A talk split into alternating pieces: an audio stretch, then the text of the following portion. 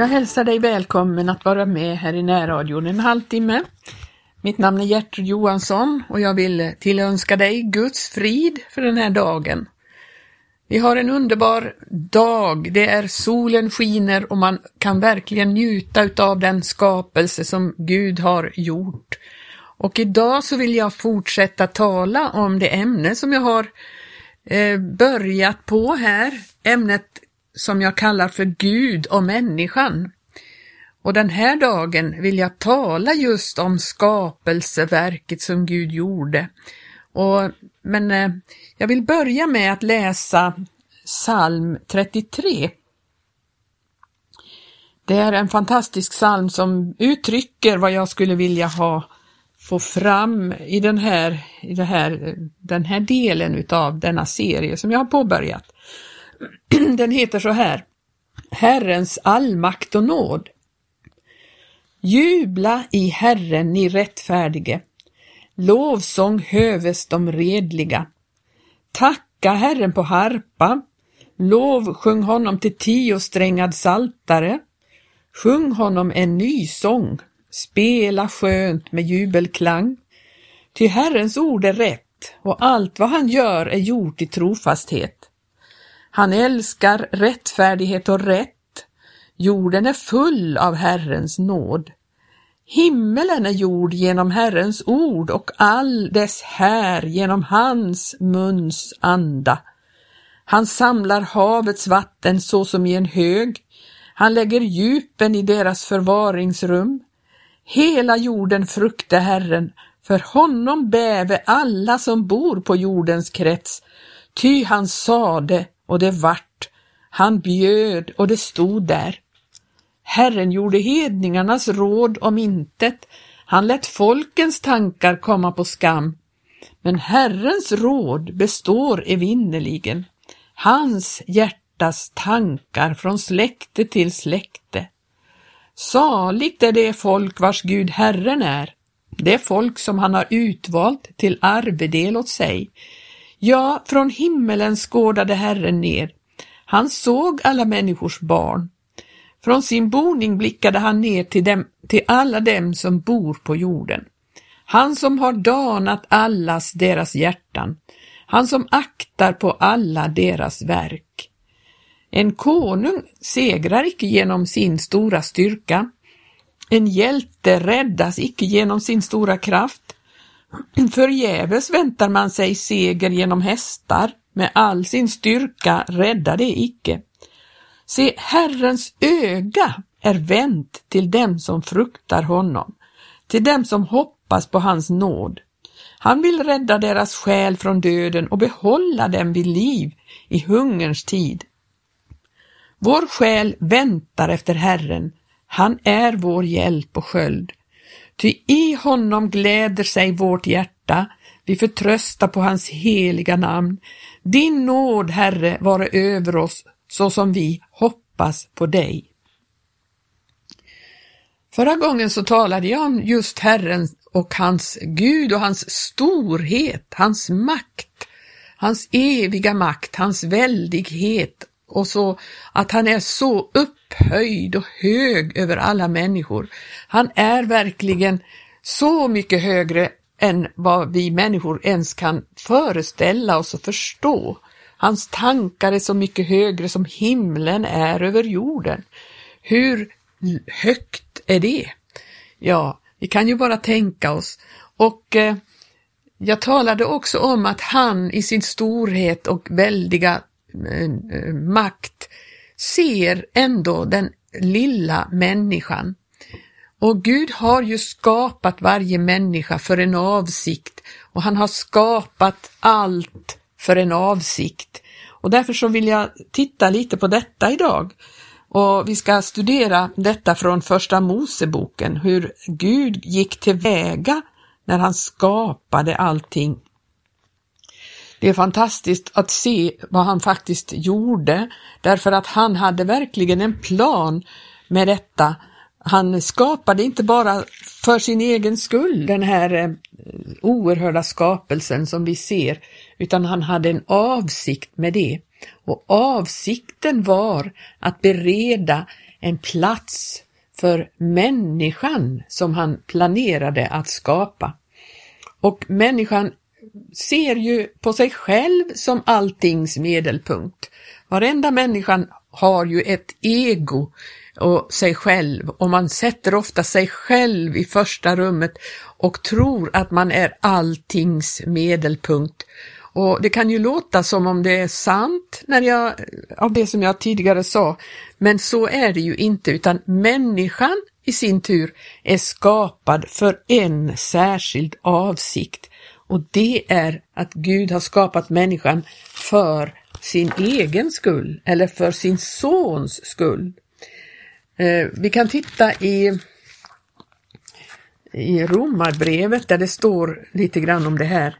Eh, vi ska titta i första Moseboken sen, men vi kan titta i Romarbrevet först, i Romarbrevets elfte kapitel och eh, 36 vers.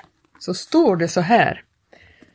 Av honom och genom honom och till honom är ju allting.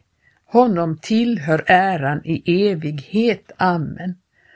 Av honom, genom honom, till honom. Alltså, allt som skapades är ju skapat för honom. Det är han som är alltings medelpunkt. Och så skapade Gud då människan för en avsikt med detta och det ska vi se på. För i första Moseboken så ser vi ju hur skapelsen går till. Och jag ska inte ta tid att läsa över allt detta men vi ser att Gud hade en, en arbetsplan hur han gjorde. Han sade och det vart. Han bjöd och det stod där. Och så skapar han hela denna fantastiska jord med sin skapelse för att demonstrera vem han är för denna människa som Gud skulle skapa. I, i ehm, 26 versen så ser vi hur Gud planerade detta. Gud sade, står det i 26 versen i första Mosebokens första kapitel, Låt oss göra människor till vår avbild, till att vara oss lika, och må det råda över fiskarna i havet och över fåglarna under himmelen och över boskapsdjuren och över hela jorden och över alla kräldjur som rör sig på jorden. Och Gud skapade människan till sin avbild. Till Guds avbild skapade han henne, till man och kvinna skapade han dem. Så att eh, Gud planerade i tidigare, det står ju så här att eh, förrän världens grund var lagd skap, eh, utvalde han oss i honom. Vi ska se först i Kolosserbrevet också, första Kolosse, Kolosserbrevets eh, första kapitel.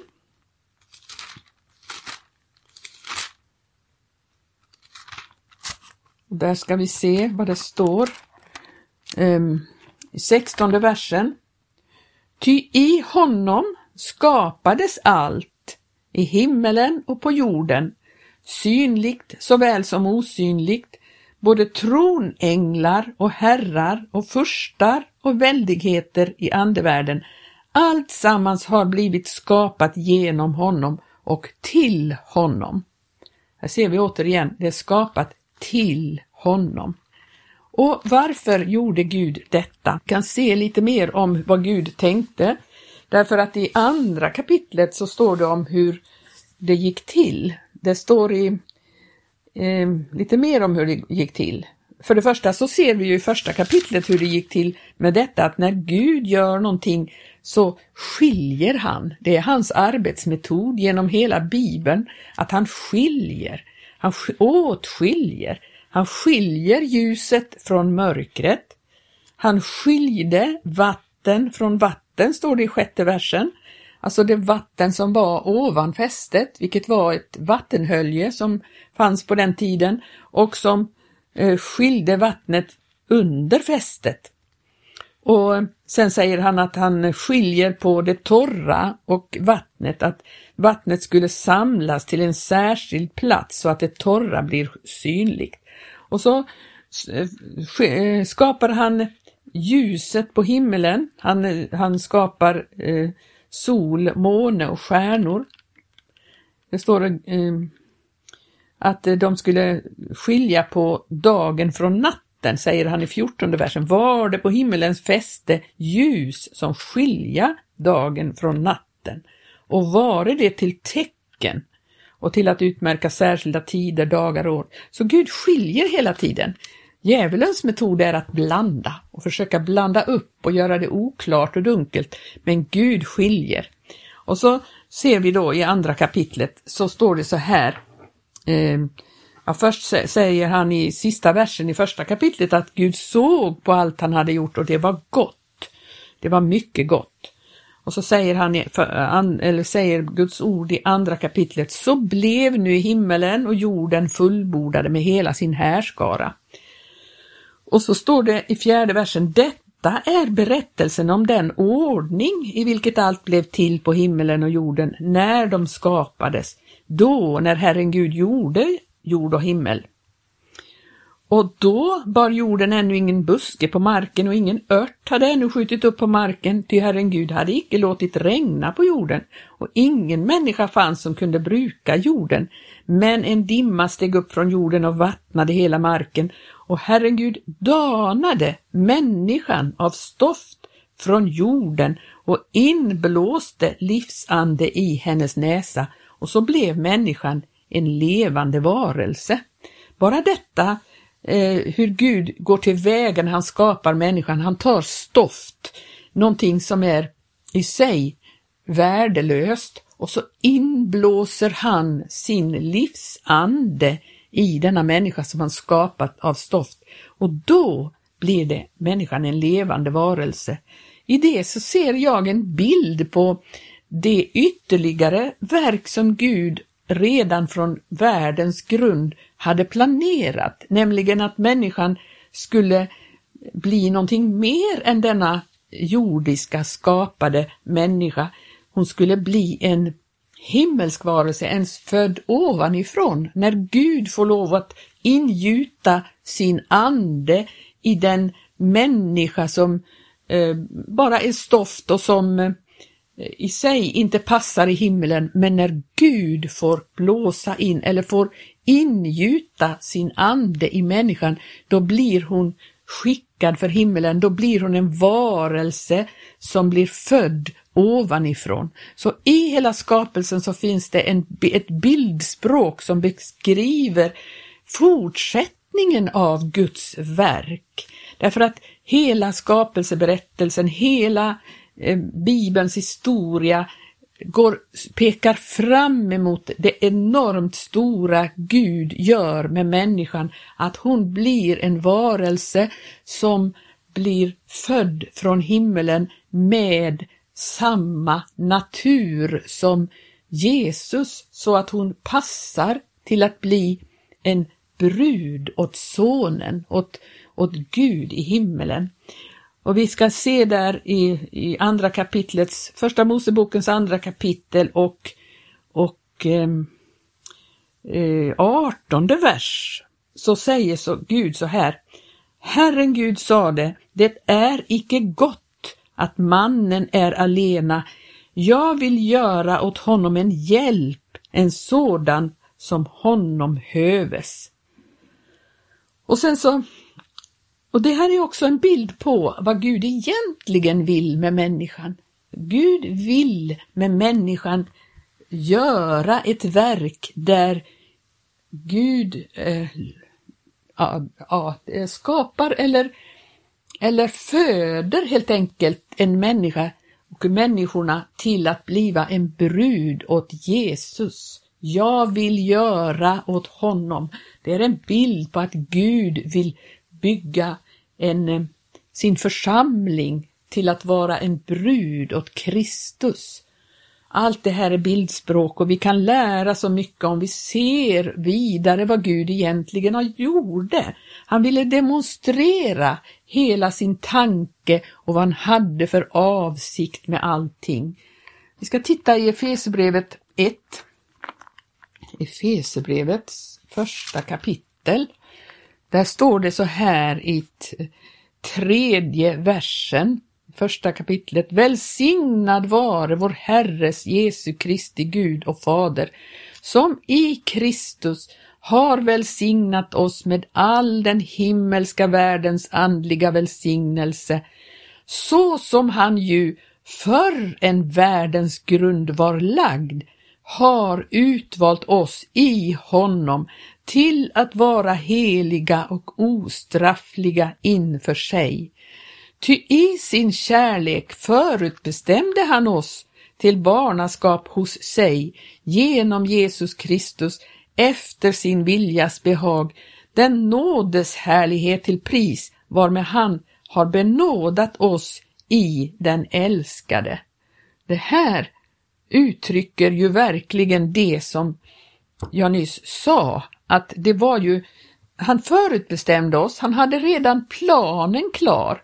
Det var inte så här att Gud blev, blev bekymrad för, ja, människan föll ju i synd och att Gud då tänkte så här att oj då, nu har människan syndat, nu får vi se till att eh, hitta på en plan för att lösa det här problemet som har uppstått. Nej, han visste allt från början och han hade en plan, en, eh, redan förrän världens grund var lagd. Och så ser vi hur han gjorde när han eh, skapade en kvinna åt mannen där i lustgården. Eh, I andra kap eh, första Mosebokens andra kapitel läser vi igen att Herren Gud danade av jord alla markens djur och alla himlens fåglar och förde dem fram till mannen för att se hur denne skulle kalla dem, ty så som mannen kallade var levande varelse, så skulle de heta. Och mannen gav namn åt alla boskapsdjur, åt fåglarna under himmelen och åt alla markens djur. Men för Adam fann han icke någon hjälp sådan som honom hövdes. Det fanns inte bland den lägre skapelsen någon som passade åt Adam till en hustru åt honom. Då lät Herren Gud en tung sömn falla på mannen och när han hade somnat tog han ut ett av hans revben och fyllde dess plats med kött. Och Herren Gud byggde en kvinna av revbenet som han hade tagit av mannen och förde henne fram till mannen. Och då sade mannen, ja denna är nu ben av mina ben och kött av mitt kött. Hon skall heta maninna, ty av man är hon tagen. För den skull skall en man övergiva sin fader och sin moder och hålla sig till sin hustru och det skola varda ett kött. Detta var ju Guds plan med människan. Till man och kvinna skapade han dem. Han skapade ju Adam och i honom fanns ju redan då materialet till denna kvinna. Och eh, eh naturligtvis eh, så, så var hon eh, hans, eh, vad ska man säga, av samma art kan man då säga. Han kunde inte förena sig med någon utav en annan art. Det skulle inte gå. Och Gud har ju till sin son förordnat så att han heller inte kan förena sig med någon av en annan art. Utav den människa som lever här på jorden är ju skapad till en eh, jordisk varelse som, eh, som inte passar för himmelen, den passar inte där och passar inte som, eh, som en hustru åt sonen. Men av detta så tar han ut, eh, ur honom själv så tar han ut en del som han skapar en kvinna. Just det här att han bygger en kvinna. Det säger att Gud eh, vill bygga sin församling som vi kan läsa om vidare här i Guds ord sedan. Han ska bygga sin församling. Jag vill tala mer om denna, denna plan som Gud har därför att det är så mycket som innefattas i detta, vad Gud har för plan med människan. Det är han som är centrum i allting, i, i den skapelse som är, så är det han som är centrum, det är han som är målet och avsikten med människans skapelse. Och vi får av nåd bli födda på nytt och då får vi del av hans natur och, och så får vi Eh, skapas i honom till att bli en sådan församling som han vill ha.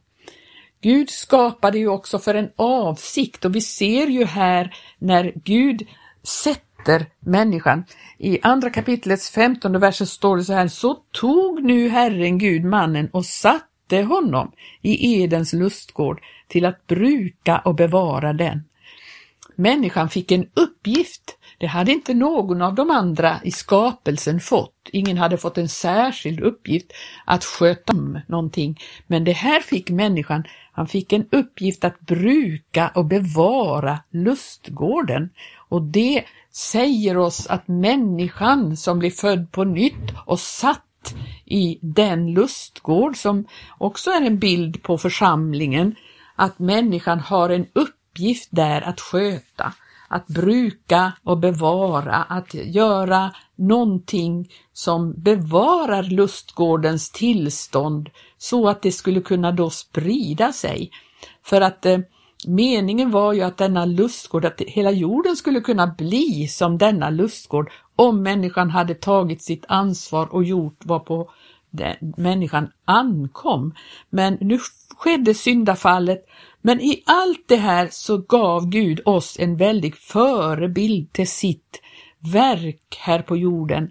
Och vi ska nästa gång titta mera på det här med mannen och kvinnan och dess roller i skapelsen. Och vi ska titta också på detta med församlingen, vilket är Guds avsikt att skapa, att bygga sin församling här på jorden. Det ska vi titta på i kommande eh, avsnitt av den här serien som jag har inlett nu.